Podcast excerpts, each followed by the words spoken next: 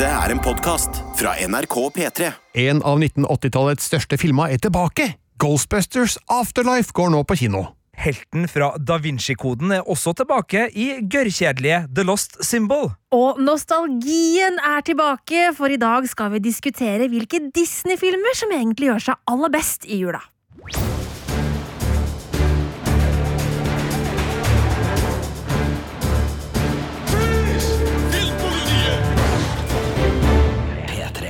I studio Birger Vestmo, Marte Hedenstad. Og Sigurd Vik. og du kom med et eh, nøkkelord her, eh, Marte, nemlig nostalgi. For det preger også den eh, første greia vi skal snakke om i dag, Ghostbusters Afterlife.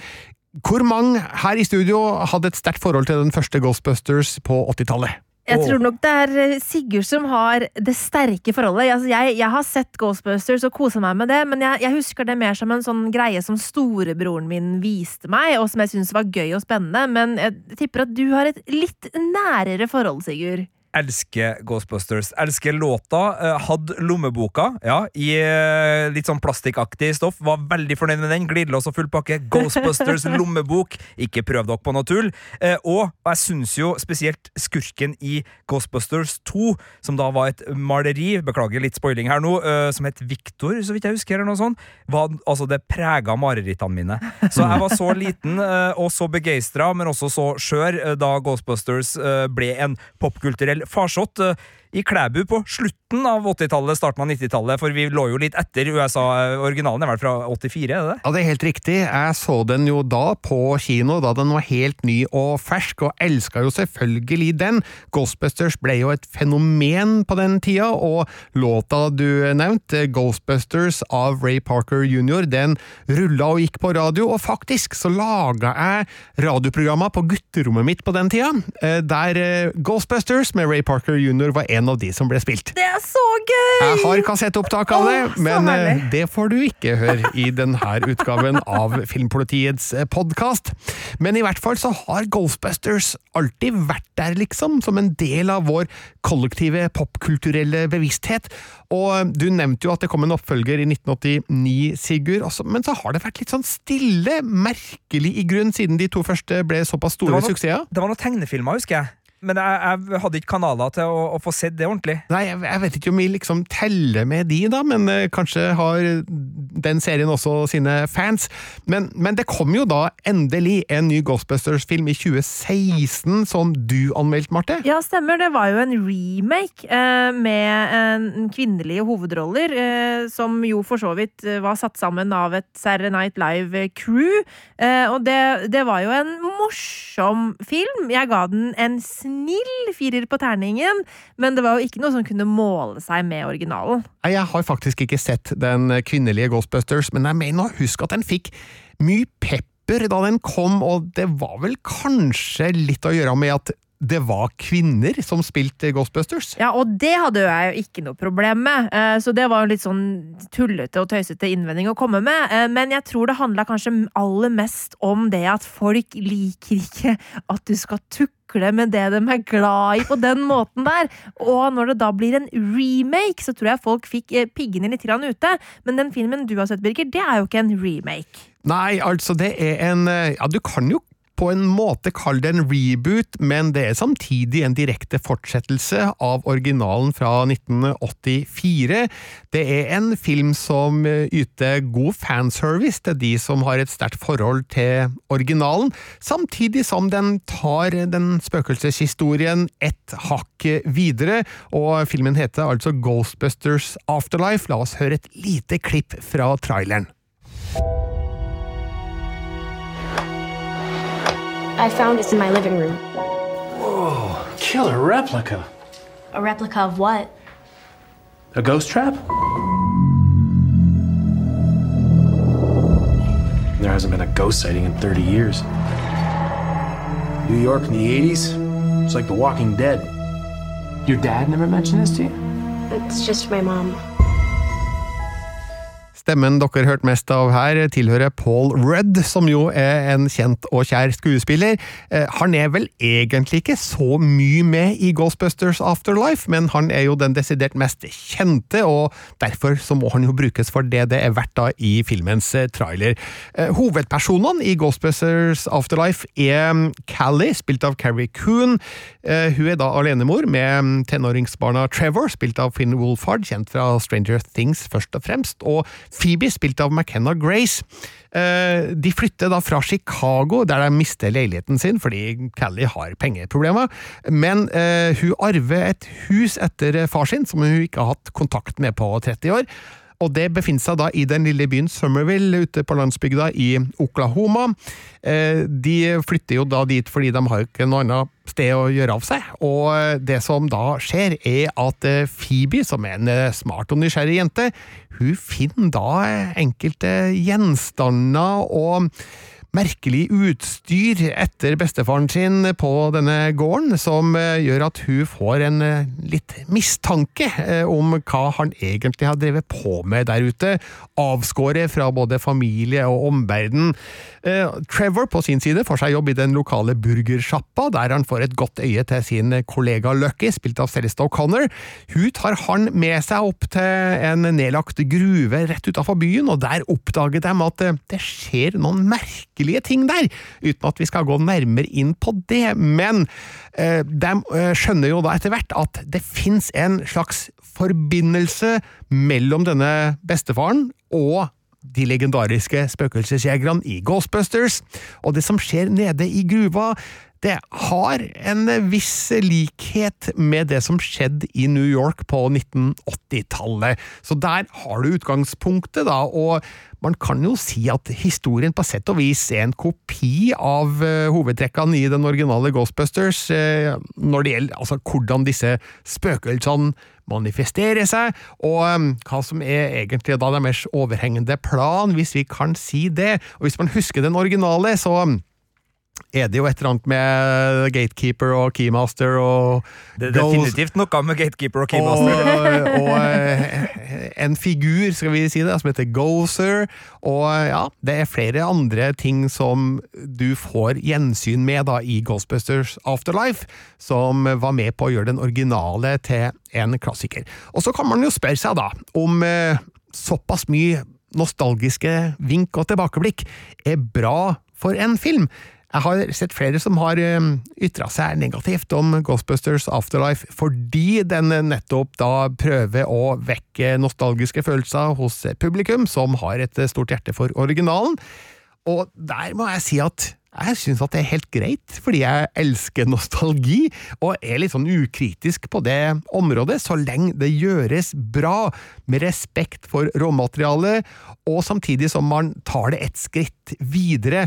At det, det er ikke bare gjenbruk av gamle bedrifter, men at de benytter det i, en, i et nytt rammeverk, da, i en ny setting, som moderniserer hele historien. Jeg vet ikke Hvilke synspunkter har dere på det?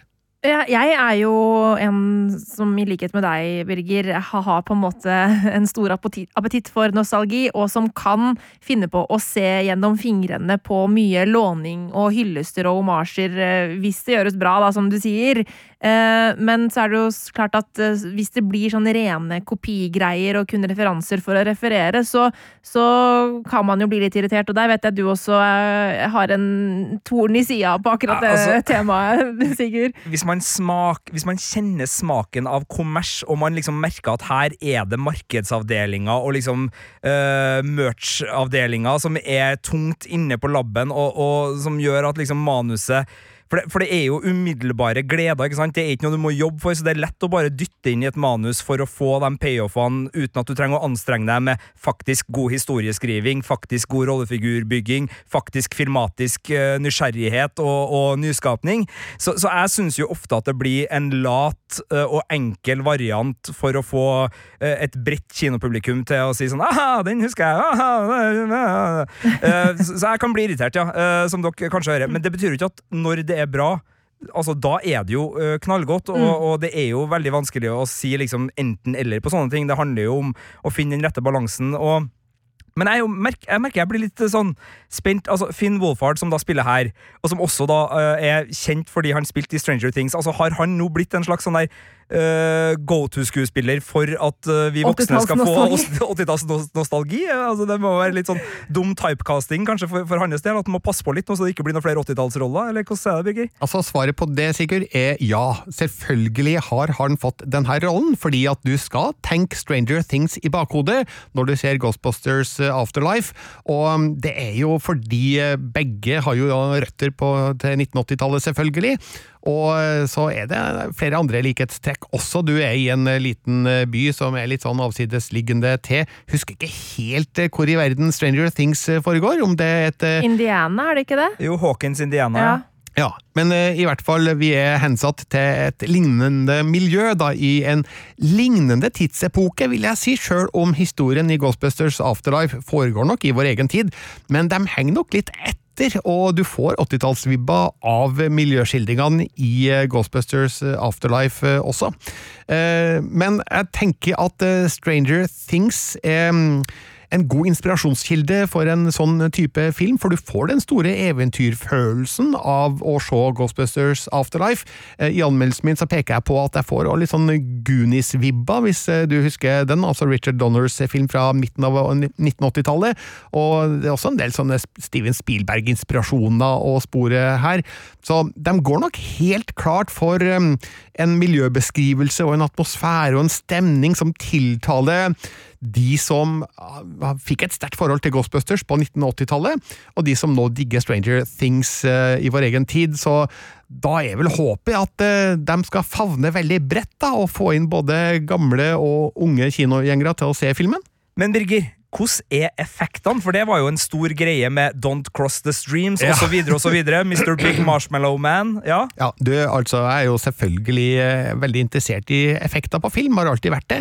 En, en eh, dårlig film kan ofte redde seg inn med gode spesialeffekter, det har skjedd gang på gang, eh, og det skjer også i denne filmen, uten at jeg sier at filmen er dårlig i utgangspunktet, altså. Men eh, det er massevis av eh, fine, feiende, flotte spøkelseseffekter her, av det litt sånn snille og milde slaget. Filmen har tolvårsgrense, og eh, man kunne kanskje ha ønska seg litt eh, sterkere kost her og der, men man må jo tenke på at også den originale filmen var en ganske snill film rent effektmessig, og da er det like greit at Ghostbusters Afterlife holder seg på den linja.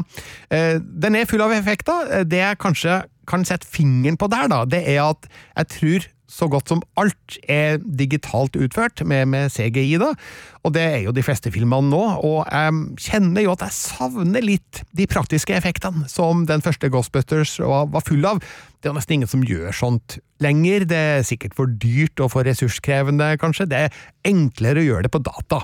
Eh, men jeg tenker at en, en film som den originale Ghostbusters hadde effekter du kanskje trodde litt mer på, fordi at du så at eh, her er det noe ekte som svever i lufta foran deg. Høres teit ut å si det, men eh, i hvert fall så Jeg blir ikke blåst av banen av effektene i Ghostbusters Afterlife som jeg ble i 1984 av den originale filmen, der eh, du kunne liksom på en måte sense at eh, det var noe virkelig som foregikk rett foran kameralinsa. Det gjør du ikke i samme grad her. Får ikke kjent på den samme slimfaktoren, rett og slett. Eh, nei, eh, det er, det er altfor lite slim, rett og slett. Altfor lite slim.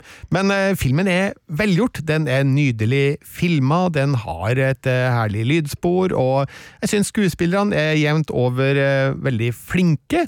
Eh, jeg kan også nevne Logan Kim i en morsom sidekick-rolle som podcast. Ja, han kalles det fordi at han lager podkast eh, hele tida. Det er en sånn greie i tiden, tydeligvis.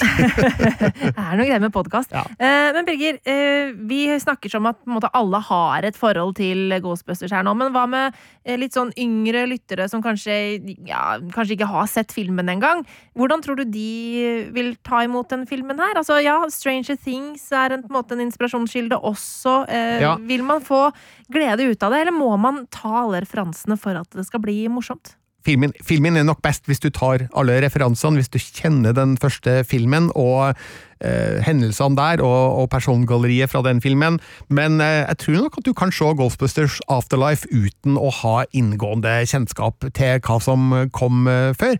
Og eh, den forteller en historie som vil henge sammen, sjøl om du ikke har sett den første filmen. For det, kan bli forklart underveis her, sånn at det, det blir ikke sånn at du blir sittende in the dark her eh, og ikke forstå eh, hva som egentlig foregår.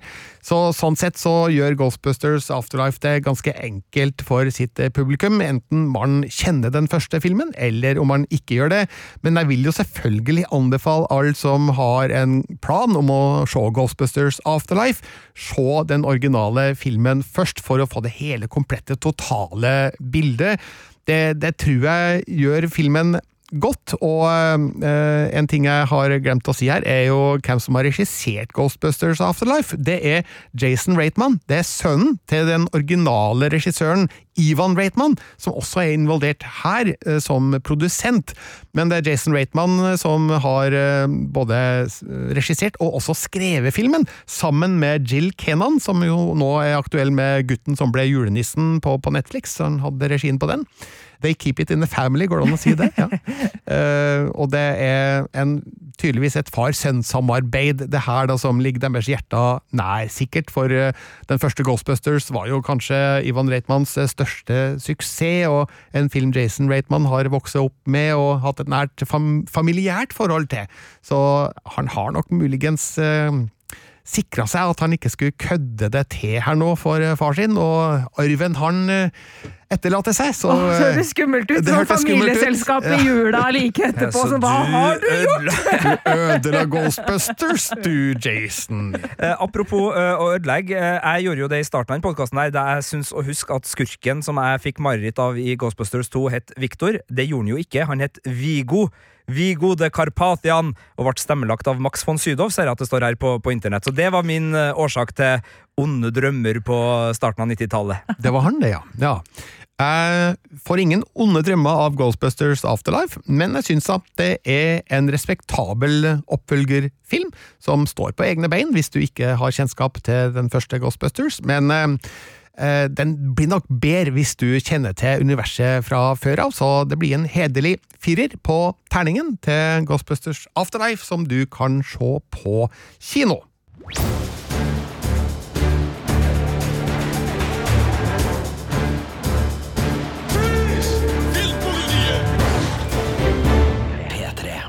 Og så skal vi inn i TV-ruta, og noe du har kikka på den siste uka, Sigurd? Ja, det stemmer. Jeg har fått se fem av de ti episodene som utgjør en serie som kommer på TV2 Play og Seymour på mandag 6. desember.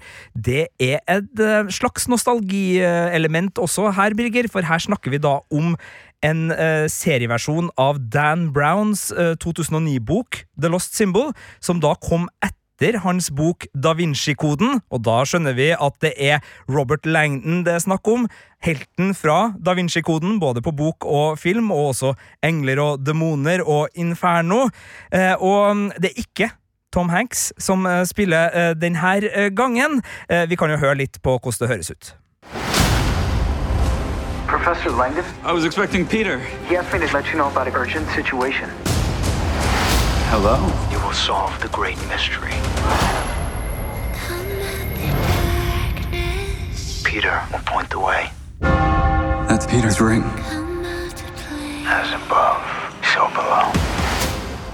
Ja, hvem er det som spiller Robert Langdon, da? Det er Ashley Zuckerman som spiller en ung Robert Langdon, for her har de eh, gjort litt grep med greia. Og vi kan jo starte litt med det her universet. altså Robert Langdon og spesielt da Da Vinci-koden og Engler og demoner, kanskje de to filmene som Tom Hanks gjorde rundt eh, Det var vel eh, tidlig 2000-tall. eh, da, da, da, da var det en ny helt i, i emninga, og, og vi likte vel Robert Langdon ganske godt på, på film, og for så vidt også i bok. Ja, det? jeg likte de fortellingene kjempegodt, jeg. Og uh, etter at Da Vinci-koden mm, skulle bli film, så kom jo liksom boka og gjorde det stort på markedet også, da man liksom visste at uh, nå blir det film av det her. Og da var da jeg leste den, og så leste liksom alt han hadde gitt ut, uh, Dan Brown, etterpå. Og jeg syns Det var liksom sånn der artig artig med den der karismatiske professoren med tweedjakka si. Eh, det, det, det på en måte Det appellerer til mitt liksom Indiana Jones-hjerte, kan du si, da. Ja, og så er det jo også det der symbol og litt sånn lett Ja, og få lov å være greiene. med på mysteriet, og være med på liksom å prøve å finne ut av hvordan ting henger sammen og sånn. ikke sant? Veldig gøy. Det er kjempegøy. Og med Tom Hanks, den fabelaktige skuespilleren i hovedrollen, så har vi blitt bortskjemt med at det har svingt veldig godt av det her. Og derfor så er det litt trist å si at uh, det er ikke noe bra, det nye som kommer på TV. Det er uh, et greit utgangspunkt. Jeg syns jo The Lost Symbol av de fire uh, Robert Langdon-bøkene jeg har lest, er den svakeste. Så allerede der er det et litt sånn øh, dumt utgangspunkt. De har vel snakka om å filmatisere den med Tom Hanks òg, men det ble Inferno i stedet for. Um, og så er det noe med at uh, manuset ikke klarer å forbedre ei middels god bok, men heller gjør den dårligere, for de tværer da ut det her manuskriptet eh, i overkant, og den her magekriblinga ved å være med på gåteløsninga, som er liksom den store attraksjonen, mener jeg, med denne type filmer, den er nesten fraværende, for her har de valgt å legge inn litt humør og litt sånn enkle løsninger, sånn at når Robert Langdon i denne serien finner en gjenstand fra gamle, gamle, gamle dager som det er rissa inn symboler på, og han er nødt til å knekke en kode, så sitter han og kikker på han og kikker på han, og vi er liksom ikke med i tankeprosessen, og så er det en annen litt sånn comic relief som sier men du, det står jo noe greier på boksen der òg, og så oppdager Robert at det står noe greier på boksen som er kjempeviktig, og det tar litt bort fra Robert Langdon som helt, for han er jo, sånn som vi kjenner ham gjennom Tom Hanks, liksom en skikkelig smarting. Men her er han ung og uerfaren! Ja, og, og det er jo nettopp det. altså Det skal være en tilblivelseshistorie, og der har de jo tatt ei historie og liksom øh, veva litt egne tråder da, for å få det her til å bli en Young Indiana Jones-aktig mm. sak. Det blir mye nostalgi, nostalgi 80-tallet her, hører jeg i den her podden, men, men, men den, den er rett og slett bare fattigere på alle vis, og uh, det som er et godt utgangspunkt, for her er det Washington DC med snø. Det er frimurerne som har sine hemmeligheter, det er et brorskap som prøver å beskytte hemmelighetene, og så er Robert Langton sin mentor, Peter Sullivan, spilt av Eddie Izzard. Han er kidnappa. Og for å få løs Eddie, så må da eh, Robert Langdon ut på en lang reise med sånne puzzles, som det heter på engelsk, gjennom Washington for å finne en skjult, gammel kunnskap eller skatt som da skurken, som er en meget tatovert og sær type, vil ha. Altså, Nå husker jeg ikke om denne Sullivan var med i boka. Jeg. For Jo da. Han var det, ja. Jeg ja, tror ok. det, ja. For Ja. ellers så begynte jeg å lure på om Solomon, unnskyld. Ja, okay, Peter greit. Solomon. For ellers så hørtes det veldig ut som liksom uh, Plutselig at det hadde blitt litt eh, hva- uncharted inni her. Ja, det er jo litt Uncharted inni her, Ja. eh, og det er jo litt uh, national, national Treasure. Det er veldig mye National Treasure, uh, altså Nicholas Cage-filmene Som inni her. her. for øvrig er to nydelige filmer. Ja, og, og jeg skal ærlig innrømme det, når jeg satte meg ned med den her, så tenkte jeg Sjøl på sitt dårligste så kommer det her til å være grei underholdning, tenkte jeg. Men det blir kjedelig. Og det er nesten godt gjort. Men øh, det er mer filmmateriale enn ti timers seriemateriale. De tværer det ut. Her er CIA involvert. Her er dattera til Peter Solomon involvert. Her er disse vokterne fra frimurerlosjen, holdt jeg på å si, øh, involvert. Så det blir for mye, for omstendelig, for seigt, og det blir så grått. Altså, Eddie Izzard, en relativt tilstedeværelse foran et kamera. En fargeklatt, altså en livatt type. Her grå. Grå! Hvordan Så- kan Eddie Izzard bli grå, tenker jeg da? Det, det, det er nesten godt gjort. Det, det har også noe med at han holdes fanga, og, og altså, han, er, han er litt blodfattig, bokstavelig talt, eh, her. Men, men Han er litt grå i trynet, rett og slett. ja, men paletten er grå, Ja. og liksom når, når Robert Langdon er på, på skattejakt, så er det, eh, det Det er så flatt og enkelt og ja, kjedelig. Så, så det her var en skikkelig skuffelse, altså. Men når Tom Hanks dro rundt i de tre filmene sine, da, som Robert Langdon, så var det i hvert fall utrolig billedskjønne filmer med helt vanvittige locations, gjerne i Italia.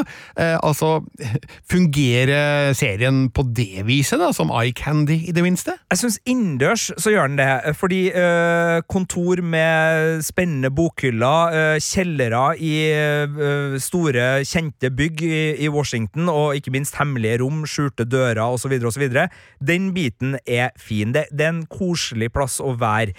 Utendørs mindre uh, spektakulær. Altså Det er blant annet noen noe grotter og noen huler og, og sånn, og det får, Jeg får litt sånn uh, 90-talls-TV-følelse av det. Uh, altså det, det er ikke dårlig direkte, men det, er, det, det kjennes litt gammelt. Og formen gjør også det, fordi det her er en serie som er bygd for reklamepauser. Ganske mange. Det gjør at den får ganske mange sånne kunstige spenningstopper, hvor vi skal liksom «Hå! Hvordan går det videre?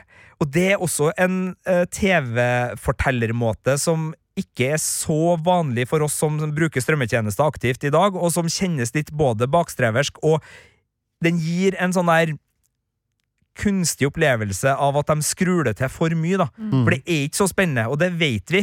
Men det skal liksom komme en reklamepause eller et eller annet der, så, så det, det skal liksom justeres opp et hakk. Og så er vi bare tilbake til normalt trelt rett etterpå, og, og det å gjøre noe med opplevelsen, merker jeg. Jeg hadde nesten glemt at det fremdeles lages TV med tanke på reklamepauser. Det er i hvert fall det det ser ut som. Eh, Den blir jo ikke vist med reklamepauser, tror jeg, på, Seymour, og ikke TV2 Play heller, så vidt jeg kan skjønne, men det er nok laga for det i USA. Eh, Det kan selvfølgelig være at den bare er lagd sånn ut fra rent kunstneriske ambisjoner, men, men jeg, mistanken min er at her er det tiltenkt eh, en, en lineær TV-kanal med uh, reklamedoseringer. Så The Lost Symbol, den uh, legger vekk. Eh, tar den ikke frem, med mindre jeg virkelig mangler noe å se på. Nei, altså Hvis du går helt på veggen etter å ha hatt et National Treasure-maraton og bare liksom ikke får nok av den type ting, så, så for all del Piloten er ikke så ille. Pilotepisoden er ålreit, og så går det sakte nedover etter det. Men eh, nei, den her eh, kan man styre unna. Den får en ganske streng terningkast to. Ikke sant? Så ta heller og se alt av Indiana Jones, alt av India, National Treasure, og kanskje rund alle Uncharted-spillene først, og så kan de gi Jeg tror det til og en med du kan se Inferno to ganger før du ser The Lost. Nei, ok, én gang. En gang. Men National Treasure, der sier du noe. Det var jo to ålreite filmer, det. Ja, det var kjempegøy. Og så stoppa de bare. Ja, og det sa jeg faktisk til Sigurd på kontoret i stad. Jeg var sånn, Hvorfor har ikke Nicolas Cage laga mer National Treasure? Jeg vil ha mer Nick Cage som jakter på skatter. Eh, Men da var du litt sånn Er det så lurt? sa du til meg da, Sigurd. Ja, altså Rett etter å ha sett The Lost Symbol, så er man jo litt uh, var på sånne ting. Men det skal jo lages en TV-serie om denne Ja, men ikke med Nick Cage. Nei, men altså, Nick Cage er en kulturskatt som vi skal være glad for å få hver gang vi får noe. Nå kommer Pigg på kino i Norge i jeg tror det er februar. Uh, det, altså, Nicholas Nicolas Cage uh, skal gjøre det Nicolas Cage trenger å gjøre for å være Nicolas Cage. Og så skal vi være takknemlige. Vi skal ikke drive og dytte han inn i en sånn der franchise-underholdningsserie hvis han ikke vil. Nei, men hvis nei, Nicolas Cage vil det må vil jo komme fra et Ja, det eh, ekte sted. Cage. Ja, ja, ja. Ja. Det har jo gått rykter om at National Treasure 3 har vært under planlegging i flere år, men spørs om det blir noe av da, nå når Disney Pluss skal lage en TV-serie i stedet for. Ja, det er en spin-off som er under planlegging. Jeg vet ikke helt hvor, øh, hvor på en måte fullstendig Om det er et ryktespill, eller om de har begynt å nærme seg nå, men den skal visst da visstnok, så vidt jeg husker, ha en kvinnelig hovedperson og foregå mer mot Sør-Amerika. Hvis jeg husker riktig, men nå er jeg på så tynn is at jeg tror det er greit å bare um, Så ikke Ja. grave noe mer etter gull. Nei, jeg skal, holde, jeg skal bare trekke meg rolig tilbake. Men, men det er en spin-off-serie det er snakk om der, og Ja. ikke mer eh, Nick Cage i så fall. Men i hvert fall, eh, The Lost Symbol, den fikk eh, terningkast. Terningkast to, en litt streng toer, for det ser bra ut, det er brukt penger på det, det er ålreite skuespillere, men det var for kjedelig. Og hvis man vil se det, så TV2 Play og Seymour fra og med mandag 6. desember.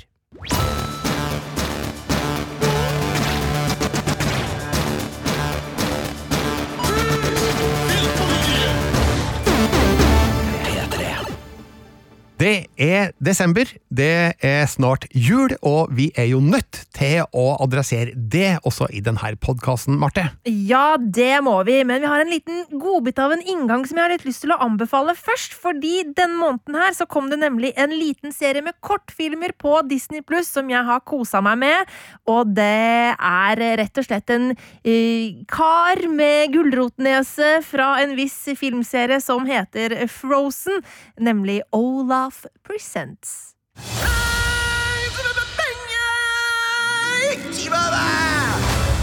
You get three wishes. The ocean chose me. Let down your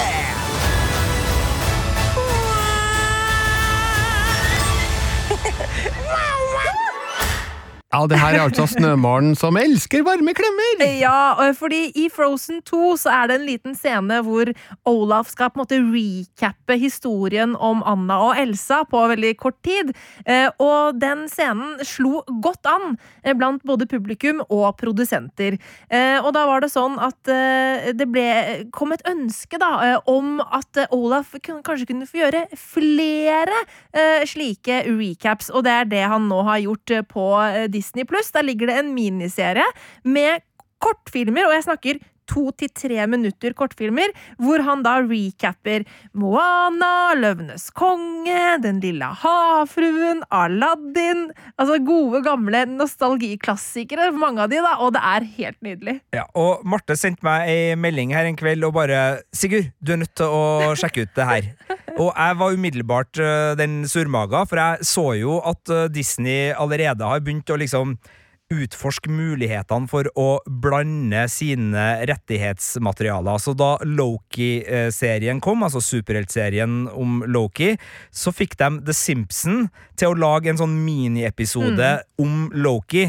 Så de har liksom alle disse merkevarene. De har Star Wars, de har MCU, de har Simpsons, de har alle Disney-filmene, de har Pixar, og så driver de og lager sånne egne småfilmer som egentlig er inhouse reklame Ja, ja, ja. for seg sjøl. Så jeg var jo bare sånn der Marte, kom igjen, da. Vær bedre enn det der. Ikke gå på de kommersielle triksene.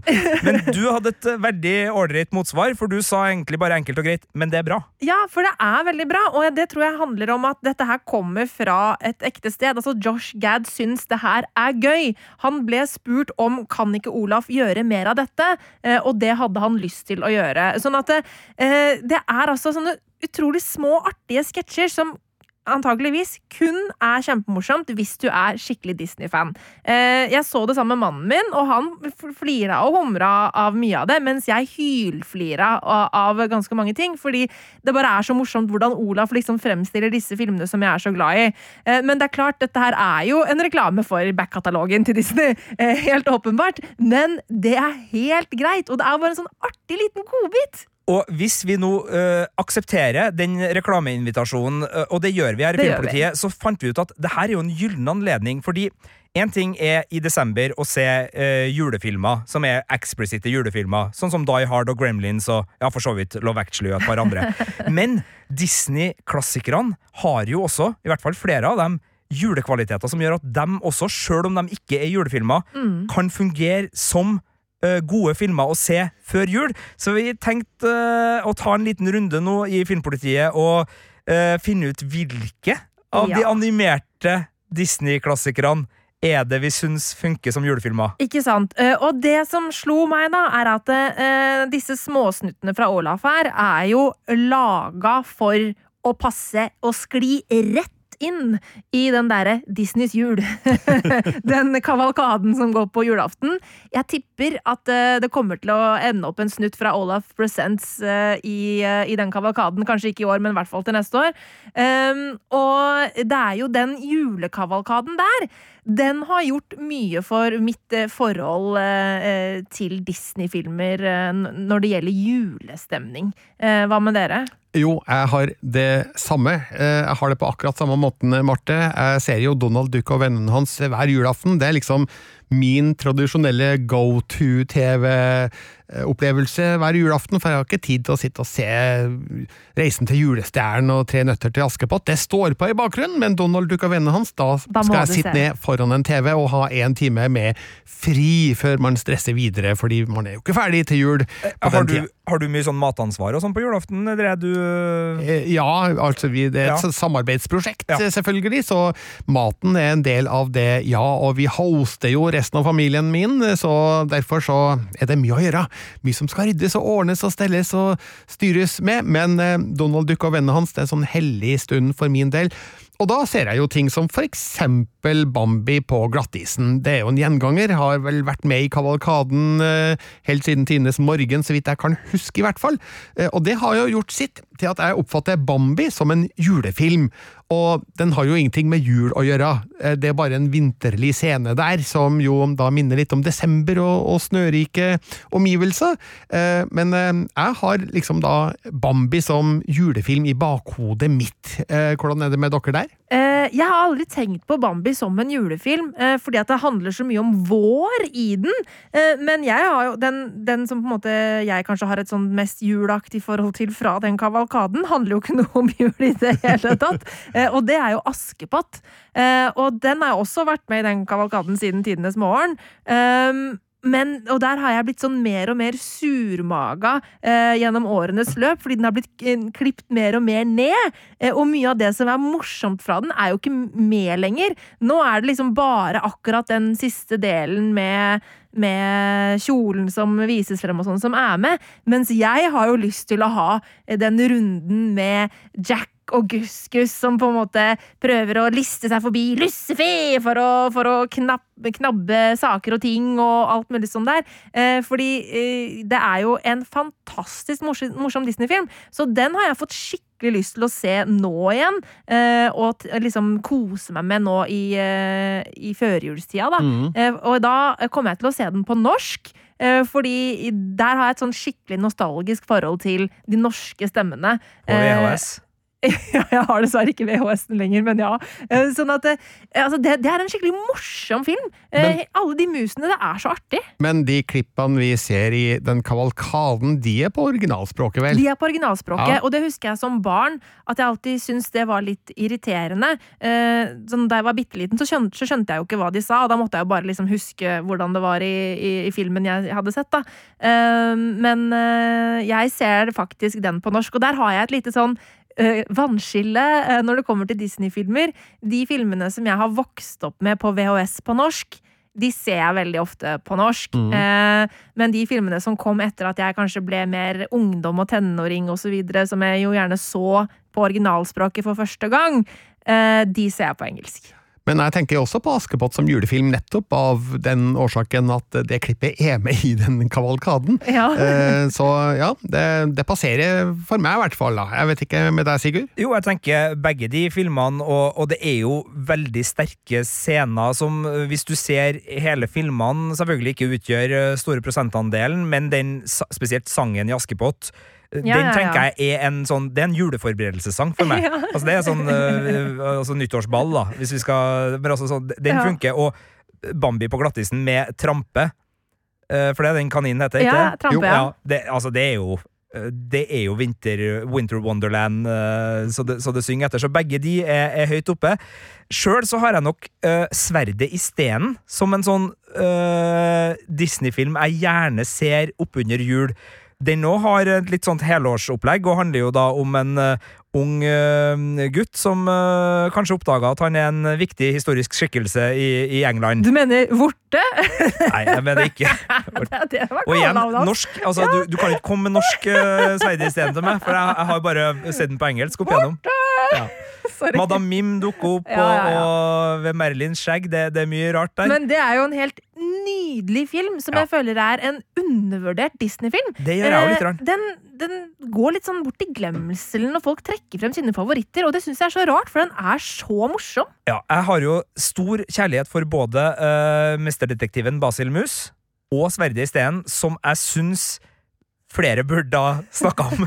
Så jeg, syns- jeg syns de to filmene er eh, så gode at de bør snakkes mer om, men, men spesielt vintersekvensen Mm. i Sverdet i stenen.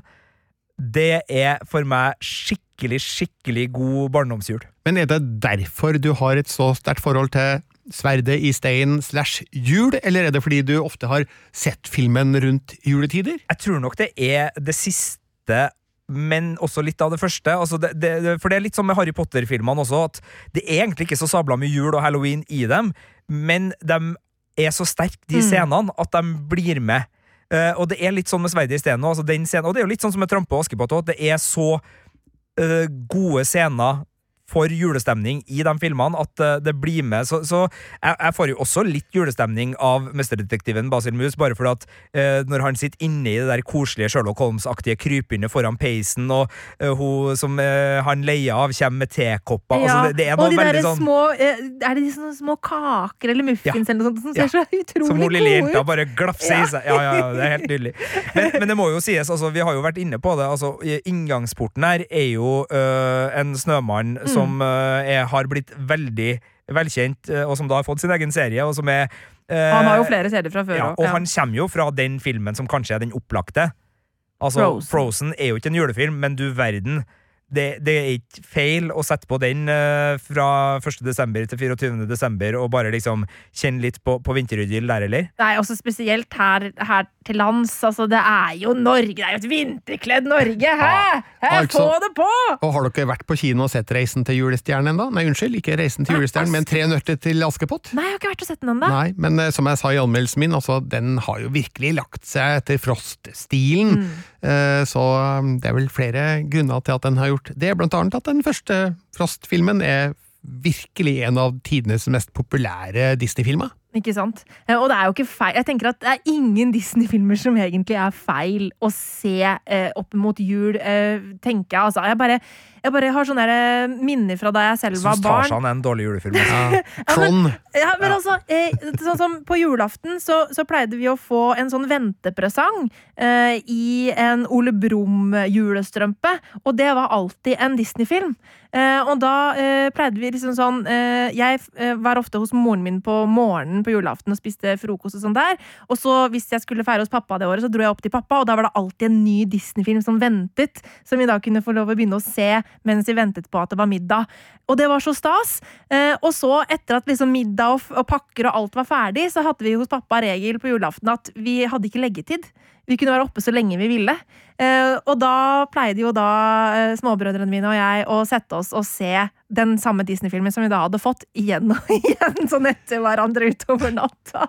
Her er vi tilbake igjen på eh, krafta som ligger i nostalgien, ikke sant? Ja. Det er jo det som gjør julefilm så fantastisk hyggelig å se år etter år. En ting jeg er litt redd for nå, da vi er i starten av desember. Jeg har en stabel hjemme med julefilm som jeg egentlig setter opp hvert år, med tanke på at eh, ja, men disse skal jeg se, i hvert fall noen av de. Og så utover i desember så dabber interessen litt sånn av, eh, uten at jeg egentlig vil det, for jeg vil jo ha julestemning hele desember, egentlig, men eh, så er det jo hverdag i desember òg. Hvordan er det med dere? Greier dere å opprettholde juleentusiasmen? Jeg føler at jeg klarer å opprettholde juleentusiasmen, men det er ikke alltid jeg klarer å komme meg gjennom alle de filmene som jeg føler at jeg må se i løpet av jula. Eh, og da har det noen ganger vært litt sånn krise. som for eksempel det var ett år vi ikke fikk sett Love Actually før etter julaften. Det var fullstendig krise. Det er jo ikke lov å se julefilm etter julaften. Nei, ikke sant? Så da måtte jeg se den i romjula. romjula. Ja, romjula. Det er nyttårsaften som er skillet her, ikke Jeg føler litt uh, nyttårsaften er skille, men jeg følte at det var krise å på en måte ikke ha sett den i forkant. Så det er ikke alltid man rekker gjennom alt. Og i fjor så rakk jeg ikke å se alle Harry Potter-filmene heller. Uh, og det var også litt sånn uh, vondt. Men jeg er litt rar, uh, hvis er noe tilstår til dere, at i desember, hvis jeg liksom har litt sånn å, å pusle med i, hjemme, så kan jeg sette på en kjent, kjær julefilm. Øh, og sitte og se den litt, og så kan jeg uh, liksom rusle litt rundt og, og holdt på å si tørke litt støv. Og det, jeg gjør ikke mye av det, men altså sånn, jeg kan betale noen regninger og kan liksom uh, svare på noen e-poster og, og gjøre litt forskjellig. Og rusle litt rundt i leiligheten, men det står på en sånn jevn strøm av kjente og kjære filmer som jeg mer eller mindre kan utenat. Men det blir jo Nei. som Birger på julaften, det. Ja, det blir jo faktisk det. Det har du helt rett i, Marte. Sjøl om jeg nå hadde tenkt å si at nei, Sigurd. Nei, jeg vi bruker ikke film Jeg vet. som bakgrunnsstøy. Jeg vet. Det, Så, det er på eh, kanten. Det er på kanten. Jeg, jeg det hender ikke seg med Die Hard og Alene hjemme at det skjer, altså. Ja, jeg greier ikke å gjøre det, å sette på en film og så begynne å gjøre andre ting. Hvis jeg setter på en film, som jo er en handling som krever et initiativ, ja. så er det fordi at jeg skal sitte her og se filmen. Det føles veldig rart å skulle sette på en film, se fem minutter, og så gå for å gjøre noe annet. Da, Ja, jeg, forlater, jeg har jo, Leiligheten min er jo egentlig bare stua mi, og, og kjøkkenet er også øh, på stua mi, og, og hjemmekontoret er også på stua mi, så jeg, jeg, det er, jeg, jeg går ikke ut av rommet. Nei, da har du en annen nærhet Ja. til TV-skjermen da, enn det jeg har i mitt eh, hjem, da, som er litt sånn flere rom og sånn. Så ja, det er kanskje det som er årsaken da, til at jeg ikke greier å bruke film som eh, ja, Nei, jeg, jeg, eh, bakgrunnsunderholdning. jeg er jo helt enig med deg, men samtidig, jeg har noen TV-serier hvor det der mm. skjer. Sånn How I Met Your Mother, som jeg har sett rundt sånn fire ganger. Det kan uh, stå på en kveld nesten å bare liksom gå på, på auto. Det, det er klart strømmetjenestene har gjort meg til en meget rar eh, person. Det, det hører jeg jo når jeg sier det høyt. Nei, men jeg tror det er mange som gjør det der, å bare ha på en serie spesielt man har sett før, da, som selskap. Øh, som på en måte bare durer og går, og så Å, der kommer du der er den morsomme scenen, og så ler du litt av den, og så går du og vasker opp. Og så har vel Kristian Christian Mikkelsen laga en ganske god sketsj om øh, en person med et sånt forhold til Friends, hvor det også viser seg at det er veldig vanskelig i akkurat pausene, men den kan man jo eventuelt finne på NRK TV hvis man eh, vil. Men eh, nei, det, det er noe der. Men en film som jeg må bare spørre dere om, som jeg hadde egentlig trodd at en av dere skulle nevne, oh, ja. men jeg har ikke villet nevne den, for det er så sabla lenge siden jeg har sett den. Ja. Det er Pinocchio.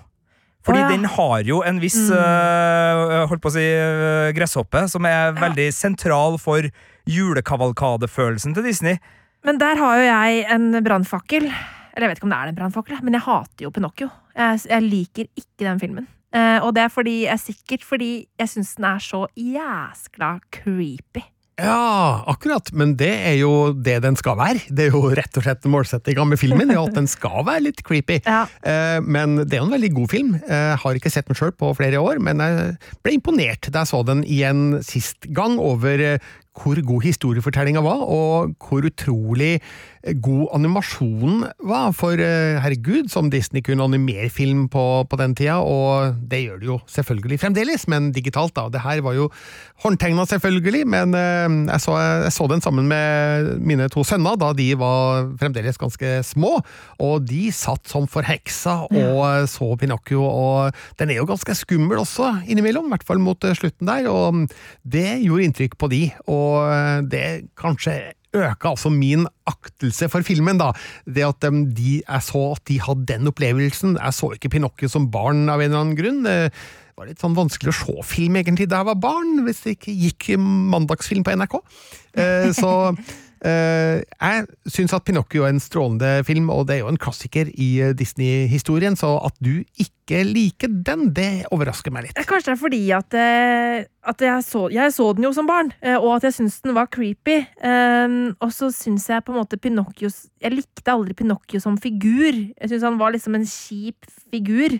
Um, men eh, den er på en måte Jeg også har Alice in Wonderland, også litt der. Den syns jeg er kulere med artige og sprø og rollefigurer med, men den også er jo creepy og syns- jeg syns var skummel å se som barn, da. Um, men eh, Nei, jeg har aldri hatt noe sansen for uh, Pinocchio, og jeg husker at jeg syns at det var et av de kjedelige innslagene i uh, Donald Duck og vennene Ja, for det er jo There Are No Strings On Mm. Me-sangnummeret, som Mm. jo var morsomt, men det har ikke vært med hele veien i kavalkaden. Det har vært litt sånn ut og inn. Ja, For det er litt variasjon av det fra år til år, eller? Det er det. De har Ja. dessverre tatt vekk eh, noen av de aller beste, eksempel eh, Snøballkrigen med Mm. Donald og Ole Dolodoffen.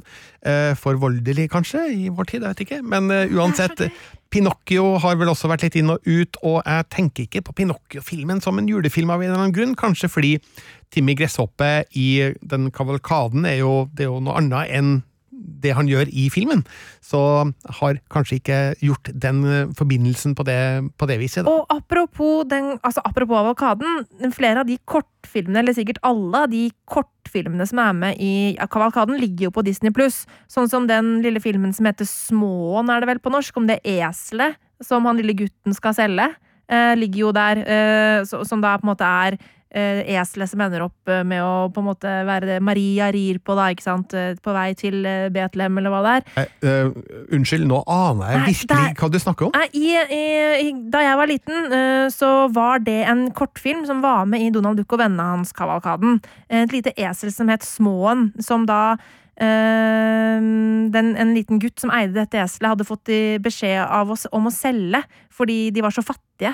Eh, og så er det ingen som vil kjøpe dette eselet fordi det er så tynt og Har dere ikke sett den? Er du helt sikker på at Ja. det var en del av Donald Duck og vennene hans? Jeg er 100 sikker. Okay. Uh, og det jeg- jeg- var en kjempefin sett- kjempefin liten kortfilm som jeg husker jeg alltid ble så rørt av. Og den, den ligger på, på Disney pluss i sin helhet.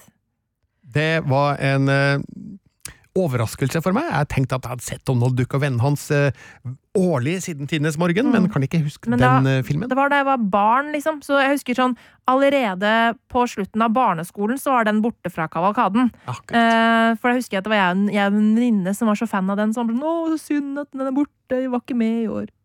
Jeg, jeg tror jeg må se Pinocchio bare for å se uh, hvor er egentlig uh, When You Wish Upon a Star fra. Øh, for den er i Pinocchio, ikke den? I Eh, filmen. Jo da. Jo. Eh, eh, Ja. Det husker jeg ikke. Jo Jeg tror den den er er i- i filmen. Timmy Gresshoppe sitter utafor vinduet til Geppetto og synger den sangen, ja. Det er Ja. helt riktig. Ja, så så den, der må det jo være noe julestemning å, å høste ut fra den her ellers skumle ferdig. Fordi stjernen er jo den feen Ja. som kommer og gjør Pinocchio til en ekte gutt. Ja. Ja. Ja, nei, det er, det, Pinocchio har ikke jeg sett siden jeg var liten, så den, øh, Ja. den må tydeligvis få et gjensyn øh, for å se hvem av dere som har rett. Jeg må tydeligvis også se den, siden jeg ikke husker helt at eh, Timmy Gresshoppe synger i Pinocchio. Men, jeg husker det, og gidder ikke se den igjen. Men se også Småen. Den ligger, eh, den, den ligger på Disney pluss. Kanskje det trigger noen minner. Det er de siste liksom, minuttene av den kortfilmen som er med i Kavalkaden. Eller var Ja. med i Kavalkaden. Jeg har en siste som jeg nå skal se. Eh, Og som jeg skal teste om dere er liksom enige om kan liksom nevnes i i selskapet, eller om jeg bare er helt på viddene nå. Mm. Jeg får også litt julestemning, men jeg kan også like gjerne se den på sommeren, av Aristokattene. Fordi det er så Oh. koselig. Altså, det er jo en sommer... Det er en altså, sommerfilm, jeg foregår på sommeren. Jeg vet Eh, Så jeg har aldri, aldri tenkt på det som en eh, julefilm. Men altså, man takker jo ikke nei til å se Aristokattene. Det er jo en helt fantastisk film. jeg har ikke noe særlig sterkt forhold til Aristokattene, må jeg innrømme. Jeg har sett den altfor få ganger. Jeg tror kanskje jeg bare har sett den én gang, og det er lenge siden. Eh, Så da må jeg vel si at jeg får ikke en stor julestemning av den. Nei.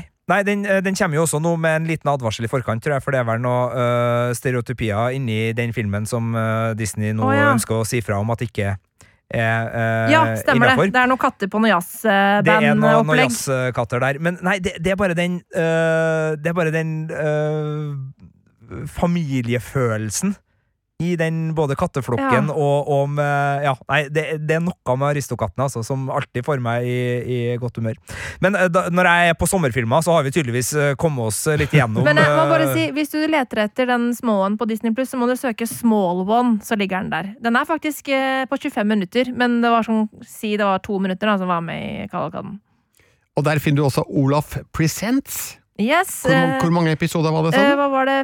Fem? Fem? Fem eller seks? Hva er den beste av. Olaf Prosent-filmene? Oi, det var veldig vanskelig. Ja. Eh, jeg syns det var veldig morsomt med Den lille havfruen. Eh, og så 'Skjønnheten og udyret' også julefilm. Aladdin. 'Skjønnheten og udyret er jo en julefilm. Det er en julefilm. Fordi hun, det er, hun er der jo i, på, på vinteren. Ja. Med Ja, snøballkrig og alt mulig. Det er julefilm, det. Det er Skjønnheten julefilm, og ja. udyret. Mm. Det jeg, jeg følte vi mangla noe Ja, her nå, men noe. det er- Ja. ja. Mm, det er faktisk en helt enig Ja, fra Mm. gullalderen på 90-tallet. Oh, Viktig å få inn noe derfra. gullalder, ass! Ja. Da må jeg nevne Aladdin òg, da. Ja, fantastisk. Aladdin, det er julefilm, det! Ja, det er julefilm. Den lille havfruen, det er julefilm. Altså, er. Alt av uh, Disney-animasjon, det er julefilm. Sånn er det bare. Vi må avrunde denne podkasten. vi må minne om at uh, dere har en annen podkast gående. Ja, det stemmer det. Uh, uh, Filmpolitiets Wheel of Time spesial. Det heter den. Den kommer på mandager, uh, og den er rett og slett dedikert fantasy-TV-serien The Wheel of Time, som for tiden ruller og går på strømmetjenesten Amazon Prime Video. Det er en serie basert på en av de største fantasy-bokseriene som finnes der ute. En av Marte Hedenstads absolutte favoritter, Ja, om ikke min den favoritten. favoritt, ja. Mm. og i denne eh, serien så recapper vi eh, ukas episode.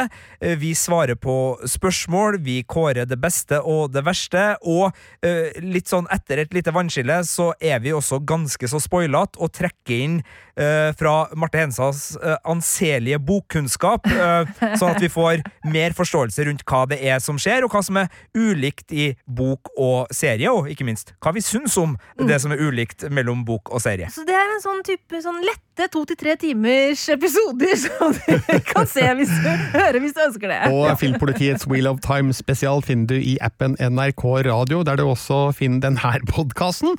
Du kan også høre oss i radioformat på P3 hver søndag fra klokka 12 til klokka 15. Vi har eh, et eh, nettsted som inneholder alle våre anmeldelser, p3.no skråstrek filmpolitiet. Og til slutt så kan jeg nevne at e-postadressen vår er filmpolitiet alfakrøll nrk.no hvis du har et spørsmål eller en kommentar. Ris eller ros? Mest ros takk skal du ha for det! Og her i studio i dag satt Birger Vestmo. Marte Hedenstad. Og Sigurd Vik.